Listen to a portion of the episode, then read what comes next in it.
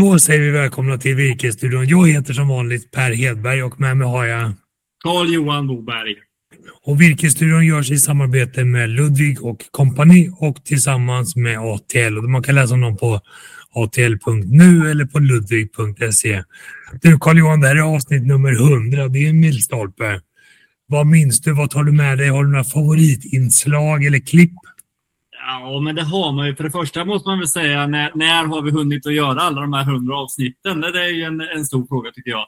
Eh, men det har vi lyckats göra och varit väldigt roligt att göra dem. Och en grej som jag tar med mig från i början, det var ju när vi träffade, vid förmånen att sitta ner med Bengt Ek som då var generalsekreterare på Föreningen Skogen och redaktör också på tidningen Skogen då på Norlia-mässan för ett antal år sedan. Det är väl en fyra, fem år sedan måste det vara. Det tyckte jag var roligt att, att göra det. Och alltid, det är alltid roligt att prata med Bengt Ek också, för han har ju varit en, och är en institution lite inom svensk skogsbruk tycker jag. Som vanligt har vi mycket att prata om. Och vi kan börja med att ta en liten uppdatering kring hur ser det ut i skogen? Hur är draget på virkesmarknaden? Ja, men det kan vi verkligen göra. Och eh, på virkesbörsen, på de annonserna som ligger ute nu, så är det bra drag på den. Det är avslut på väldigt fina nivåer. Om man då kollar lite på vad de signaler man får från marknaden, från färdigvarumarknaden då, att husproduktionerna går ner. Vi vet ju att eh, eh Anebyhus var ju det som sattes i rekonstruktion här nu för ett tag sedan, någon par dagar sedan. Så att det är ju nedgång. Det pratas ju även internationellt sett att det är nedgång i Kina till exempel också. Men det är bra drag på det i, i köpen av rundvirke. Och vad är anledningen till det här då? Jo, men dels har vi att att vi har ju kron, kron, eh, den låga kronan och exporten gör ju att det blir så himla bra affär för dem där. Men sen är det att lagren är inte jättefulla. Nej, men alltså, vi kollar då i, i våras innan vi gick på semester. Det var många aktörer där som fick justera prisnivåerna för att få tag på virke. Man hade inga kontrakt som låg som man kunde börja hugga på nu direkt. Och så fick man hålla igen lite där, för det kanske är svårt att komma ihåg, men det var ju väldigt varmt och torrt fram till någon vecka efter midsommar. Då kunde man inte köra för fullt eller med brandis och sådär. Och sen kom regnet och där man uppstartsposterna man kört på eh, har ju varit svårt ibland att få fram. Jag vet till exempel att eh, sågverk nere i södra Sverige köper ju till exempel uppe i eh, och har maskinlag uppe i Värmland. Och det har ni ju sett på nyheterna att det, det är inte bara de allmänna vägarna som har problem utan det är även skogsbilvägarna som bitvis har dels dålig bärighet men även följts bort på vissa ställen. Så det gör ju det att svårt få fram virket, så det är bra efterfrågan, finns möjlighet att göra bra affärer. Intressant, jättebra drag. Och det med, konjunkturen går ner men virkespriserna fortsätter att gå upp och virkespriserna har gått upp i nästan två års tid. Ändå väljer Billerud att sänka sina virkespriser och det vill jag prata lite mer om. Men jag tänkte vi ska först bara kolla på den senaste statistiken från Ludvig Company när det kommer till fastighetspriser första halvåret 2023. Och jag träffade Filip Olsson när han ska redogöra hur utvecklingen har sett ut över Sverige. Vi tittar på det. Då ska jag hälsa Filip Olsson välkommen till Virkesstudion. Filip, du kan väl presentera dig själv och vilka du jobbar för? Ja, men jag heter Filip Olsson och är segmentschef för skog och lantbruk på Ludvig Company. Vi har bjudit in dig idag för att du ska berätta om halvårsstatistiken på skogsmarkspriserna. Så att jag tänkte att take it away Filip, du ska få gå igenom materialet. Ja, men kul, tack så mycket.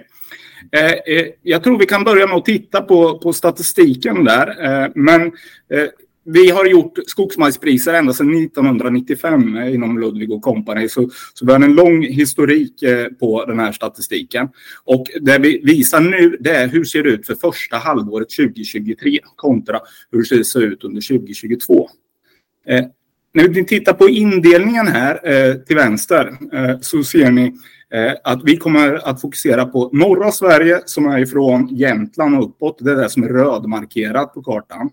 Eh, Mellansverige och södra Sverige. Eh, för det är de tre grupperna som är tillräckligt mycket statistik här för första halvåret för att uttala oss kring. Och då om man tittar på ja, men hur ser det ut statistiskt här under det eh, första halvåret så ser ni att det skiljer sig ganska mycket kring hur utvecklingen har sett ut mellan de här olika områdena. I norra Sverige så har det ökat med 8,4 procent.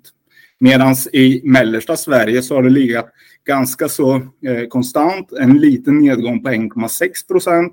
Medan i södra Sverige så har det sjunkit med 8,3 eh, procent. Eh, och, och det här är ju utifrån det sista halvåret helt enkelt. Så det, eh, på, om man ska se det ur ett längre perspektiv så har vi fortfarande avslut på eh, extremt höga nivåer om man ska hårdra det. Du Filip, om jag flikar in där på skogspriserna går ner totalt sett i Sverige. Hur stor drivkraft är den stigande räntan eller att räntan har gått upp till att skogspriserna går ner? Ja, men det är klart att det finns en, en tydlig koppling däremellan. Men sen så finns det också andra köpare som inte är riktigt lika beroende. Men det är klart, går räntan upp från 1,5 procent till 4,5 procent så, så är det en räntekostnad som ökat med det tredubbla. Sen är det ju många som är med och har prisat in räntestatistiken framåt också. Det, det är många av de, framförallt de större aktörerna som är med och budar, de, de tittar ju på bankernas prognoser för hur räntan kommer att se ut eh, framöver också, även Riksbankens. Och, och, den här delen den visar ju hur har det utvecklats ur ett historiskt perspektiv. Och här har vi ända sedan 1995 med oss in i det här. Och, och tittar ni då på, på de olika staplarna här så ser ni eh, att det har varit en en eh, nedgång på eh, när det gäller skogsmarkspriserna då i, i södra Sverige här under den sista tiden. Och det är klart att det har också fått effekten att det dröjer lite längre innan man kommer till avslut. För den som Eh, vill sälja vill ofta ha lika bra betalt som det var för ett halvår sedan medan den som vill köpa eh, ofta då eh, vill, vill, köpa till, till nuvarande prisnivåer. Och det tar lite längre tid innan man finner varandra där. Men det är fortfarande en fullt fungerande marknad som kommer till avslut här på, på både södra, mellersta och norra Sverige. Och den här avslutande bilden, ja, men det visar vad får man i dagsläget för 3 miljoner kronor om man investerar i skog i de olika områdena. Så investerar man, man exempelvis i norra Sverige så får man i snitt då eh, 64 eh, eh, hektar eh, eller 7200 eh, skogskubik. Eh, medan i mellersta så sjunker det ner till 35 eh, hektar eh, och i södra ner till 24 hektar. Så, så det här är lite mer, vad är det man får egentligen om man investerar tre, för 3 miljoner kronor i skog i dagsläget? Du Filip, att vi nu har rört oss från en lågräntemiljö till en högre räntemiljö. Påverkar det, vad det är för typ av köpare av skog och intresse för skog på något sätt? Äh, vi, vi, vi, ser fortfarande att det, det, är många större aktörer som fortfarande är intresserade av att köpa skog. Så det, det, det är inte bara en eller två aktörer utan det, är många som fortfarande är intresserade. De har ju redan räknat in den här eh, ränteförändringen ska sägas. Eh, eh, sen så är det ju också så att när, när grannens mark väl kommer ut, eh, det gör den inte varje år och då, då är det väldigt många som vill vara med och, och buda också. Så, så, så det går inte att säga att det är någon skillnad i grupperna som vi kan se utifrån statistiken. Påverkar också ränteförändringen det utbud av fastigheter som kommer ut? Är det en annan typ av fastigheter som kommer ut på marknaden under en högre räntemiljö? Eh, inte vad vi har kunnat eh, uttyda från statistiken. Eh, så, så, så, jag kan tyvärr inte svara på om det finns mindre skillnader där. Också nyfiken på hur har den svaga kronan påverkat marknaden? Är det så att utländska köpare letar sig till Sverige? Ser ni någon sån trend eller förändring? Ingenting som vi kan se i statistiken, för det, det visar inte statistiken som sådan. Eh, däremot så ställde vi exakt samma fråga till de olika mäklarna här inför att vi, vi skulle släppa eh, skogsmarkspriserna, då, den rapporten. Eh, och eh, norska kronan, om man ska hårdra det, den, den, är också väldigt svag just nu, så där ser vi ingen skillnad. Och, och när det kommer till just eh, skogsfastigheter så ser vi inte heller att eurokursen är med och påverkar att vi har eh, många köpare därifrån. Inte, inte vad känslan är heller eh, just nu. Eh, däremot om man tittar på lantbruk så är, är det eh, eh vissa länder som nu tack vare den här gynnsamma eurokursen är lite extra intresserade av att titta mot Sverige, exempelvis Holland. Det kan väl säga det också, vill man grotta i det här, jag tror att nästan ingen har missat nyheter om att er rapport har kommit ut om skogspriserna och det är nog bara att googla på det. Det är många tidningar och medier som har plockat upp det. Men vill man grotta ännu mer i det då kan man gå till ludvig.se och klicka sig fram till rapporten så ligger rapporten i sin helhet där också. Det här var ju bara en summering idag då. Ja men absolut, ni är hjärtligt välkomna att klicka er in där. Du Filip, törs vi säga någonting om framtiden? Vad tror ni? Vart barkar det hän? Ja, men om, vi, om vi ska blicka förbi eh, ränteläget här nu på kort sikt så, så tror vi fortfarande väldigt mycket på, på att äga skog och, och det, det är känslan från marknaden också. Det, det, är många som är intresserade av att äga skog. Så, så långsiktigt eh, är min tro att det, det kommer att vara en klok investering. Det ska bli spännande att se vart det tar vägen. Det är också spännande att se vart räntan tar vägen. En del pratar om att vi nu har passerat räntetoppen och att vi skulle kunna börja se en sänkning och kanske det kan synas i skogsstatistiken för helåret 2023 eller vad tror du? Det beror på hur, hur snabbt de tongångarna kommer eh, kring eh, en nedgång. Men det, det, är klart, ser man att det kommer att gå ner så, så, så kommer ju hela räntekostnaden att gå ner och, och då kan man kanske vara med och, och buda något längre.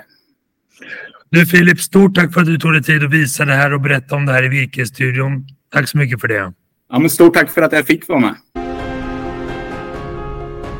Det skiljer sig lite i utvecklingen här Carl-Johan. Det går uppåt i norr men det går neråt i söder. Och det är klart att inflationen spelar in här också, även, även om det är väldigt kapitalstarka köpare som kliver in på marknaden. Nu vill jag bara gå tillbaka till det här med Billerud. De sänkte sina virkespriser. Vad tror du att det beror på, Carl-Johan? Ja, men jag tror ju att det, det beror på att man har ju... Kolla, man, man är ju vana att inte handla virke till de här prisnivåerna som är. Och eh, har man den vanan och då har man ju också med det i sina kalkyler när man räknar på hur, hur hela den stora jätteaffären går ihop med byggnationer utav bruk och hela den biten. Så jag tror man är pressade. Nej, men det tror jag också. Det blev väldigt tydligt nu när man inför kvartal två gjorde en vinstvarning. Och i vinstvarningen sa man att vi behöver öka andelen fältköp för att få ner kostnaden på råvara som har stigit väldigt kraftigt. Jag tror också att Billerud är inte likadant rustade som några andra stora skogsbolag med egen skog på det sättet utan de är mer beroende av externa köp. Och jag läser in att det här är ett tappert försök att försöka dämpa prisuppgången åtminstone och i bästa fall då få ner virkespriserna. Och Det är intressant som du säger. Då, då det ska de göra genom att anställa mer fysiska köpare då, som ska vara ute och bearbeta markägare. Men då är det inte om man ska vara lite krass på det så är det ju inte för markägarens bästa utan det är ju för industrins bästa. Och som markägare ska man se till att få så bra betalt som möjligt för sin skog så man då kan driva sin skogsgård, sitt företag efter de målen som man själv vill. Och den här annonseringen om sänkta virkespriser den kommer strax efter att man också gjort om ledningsgruppen på Billerud där man har petat ut skogsansvarig utanför ledningsgruppen. Och det där kan vi prata länge och väl om, men det ska vi inte göra idag utan vi, vi nöjer oss med att konstatera att virkesmarknaden fortsätter gå uppåt. Billerud sänker och det ligger inte i linje med hur vi ser på marknaden. Ett bolag som istället går ut och höjer sina priser, det är Södra. Kan du berätta någonting om det? Nej, men det har vi lite, med. Södra brukar jobba med premier och ibland och höja listan och sådana saker. Så det är ett litet, litet, litet spel sådär att göra. Men de, har, de, de ser väl också det att eh, de har måste där för att få fram råvarorna. Och innan har man ju då i Götaland och i Svealand där det varit mycket granbarkborre, då har man ju nyttjat granbarkborren lite. Att ja, men ni måste nog hugga där för annars kommer granbarkborren. Ja, men dels så är det ju så att vi har inte lika mycket skador det här året, eh, tack och lov. På vissa håll finns det. Men sen har jag också en hel del markägare som sett igenom lite där. Nej, men jag väntar med att hugga här nu för att det, det är bättre att det är inte det, det akuta behovet som kanske framstår. Och sen så helt enkelt så, så är det väl kanske så att en del markägare har ganska mycket pengar eftersom de har huggt rejält de sista åren. Så kanske håller igen lite nu, lite försiktiga vad som händer. Ska vi försöka koka ner allt det vi ser på virkesmarknaden så går ju priserna fortsatt uppåt och vi ser ju avslut på rekordnivåer och det är möjligt att vi till och med kan fortsätta lite grann uppåt framöver också. Men det är ett gott tillfälle både för avverkning, slutavverkning men också för gallringar och nu börjar det också bli ett väldigt drag kring grot och brännved. Så att har man, har man högar från en tidigare avverkning som har legat och torkat så kan man få väldigt bra betalt för det också. Mm. Ja, men det en, liten, en liten eh, intressant spaning jag fick igår för jag skulle åka och handla en eh, tryckt regel 145-45. Alltså en standardsortiment vad det gäller trallbyggnationer och jag var på ett varuhus. Och då säger de att det fanns inga. De sa att vi får inte fram det från leverantören. Då köpte jag en som var 170 då istället. Då. Eh, och den står det ju då Södra tryckt på. då. Kindasågen också, där jag kommer ifrån. Det är lite roligt att köpa lokalt när man bor i Göteborg, fast det är nog inte är lokalt. Men det innebär att det är ett klart tydligt tecken på att just dimensionen 145 har gått åt mycket och man får inte fram det, så att de har ju ett behov. Du, det har skett en strukturaffär uppe norröver också. Vi får prata lite om Gällö och om SCA. Kan du berätta vad det är som har hänt? Jo, men verkligen. Det ska vi göra. Gälle Skog eh, är ju ett eh, bolag som eh, skogsbolag, sågverk som då ägs av eh, SCA och eh, Persson Invest. Persson Invest är ju en, ja, vad brukar man säga, Jämtlands eh, Kamprad eller något sånt där, va? Eller Dallas-dynastin och sånt där. Va? De äger... Persson i Västskog är väl åtminstone över 100 000 hektar skog, så det är en otroligt stor oh, mark. Ja, men det är det. Och de har ju då ägt det här sågverket ihop och en inköpsorganisation. Nu gick de ut med förra veckan att SCA köper det helt och hållet. Och det här är ju intressant då vad som händer. Men dels så ser väl SCA då, men de har ju ett, eh, eh, eh, en dialog. Jag vet liksom inte hur det ligger där med Holmen och bygga ett stort sågverk uppe i Norrland. Men nu plötsligt blir de ju helägare till något och kanske inte det blir lika intressant längre. Samtidigt kan man ju fråga sig vad händer det här då med den privata markägaren? För det, vi vet ju inte än liksom om, om Gävle skog kommer att försvinna. Men är det så så kommer ju i så fall en inköpsorganisation försvinna och det är ju inte så bra för markägaren för många inköpare är bra för konkurrensen.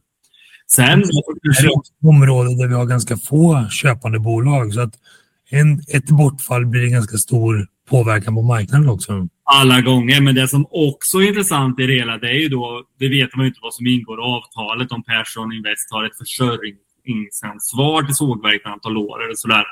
Det kan det mycket väl vara, men det kan ju också vara så att det frigörs volymer då från Persson Invests egna skogar då på den öppna marknaden då, som är möjlighet att lyfta ut från området. Och lyfter man ut virke från ett område så är det positivt för markägarens virkespriser. Och kollar man i Jämtland, geografin, så är det ju nästan lika långt till hamnen i Sundsvall som det är till hamnen i Trondheim. Nu överdriver jag lite, men ni förstår. Det finns ju bra eh, utrymme liksom att, att få bort virket. Och sen så går det även en del virke på Inlandsbanan också, trots att den är lite risig. Jag tycker Jämtland är spännande det är ett spännande område för det dras i virket både söderut men också norrut. Så det, det har blivit ett område som kanske inte var så hett för några år sedan till att det faktiskt är ganska eftertraktat. Ja, det är det. Och det är likadant när man ska köpa skogsfastigheter. För att det är klart att en del har ju köpt skogar, om du har skogen i södra Sverige, har köpt uppe kanske för att lite, ha lite jakt och sådana saker. Men jag tror att det finns fina möjligheter att, att göra bra eh, skogsaffärer här uppe. Och det kan man väl kanske se lite då på, på statistiken på Ludvig har gått upp något i, i, i Norrland.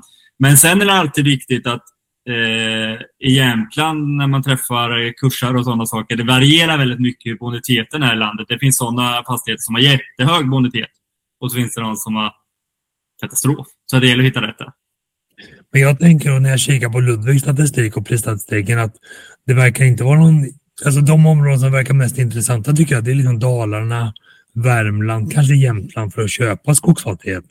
Ja, det, det har jag sagt länge. Nu Carl-Johan, har du någonting annat som vi borde ta upp idag?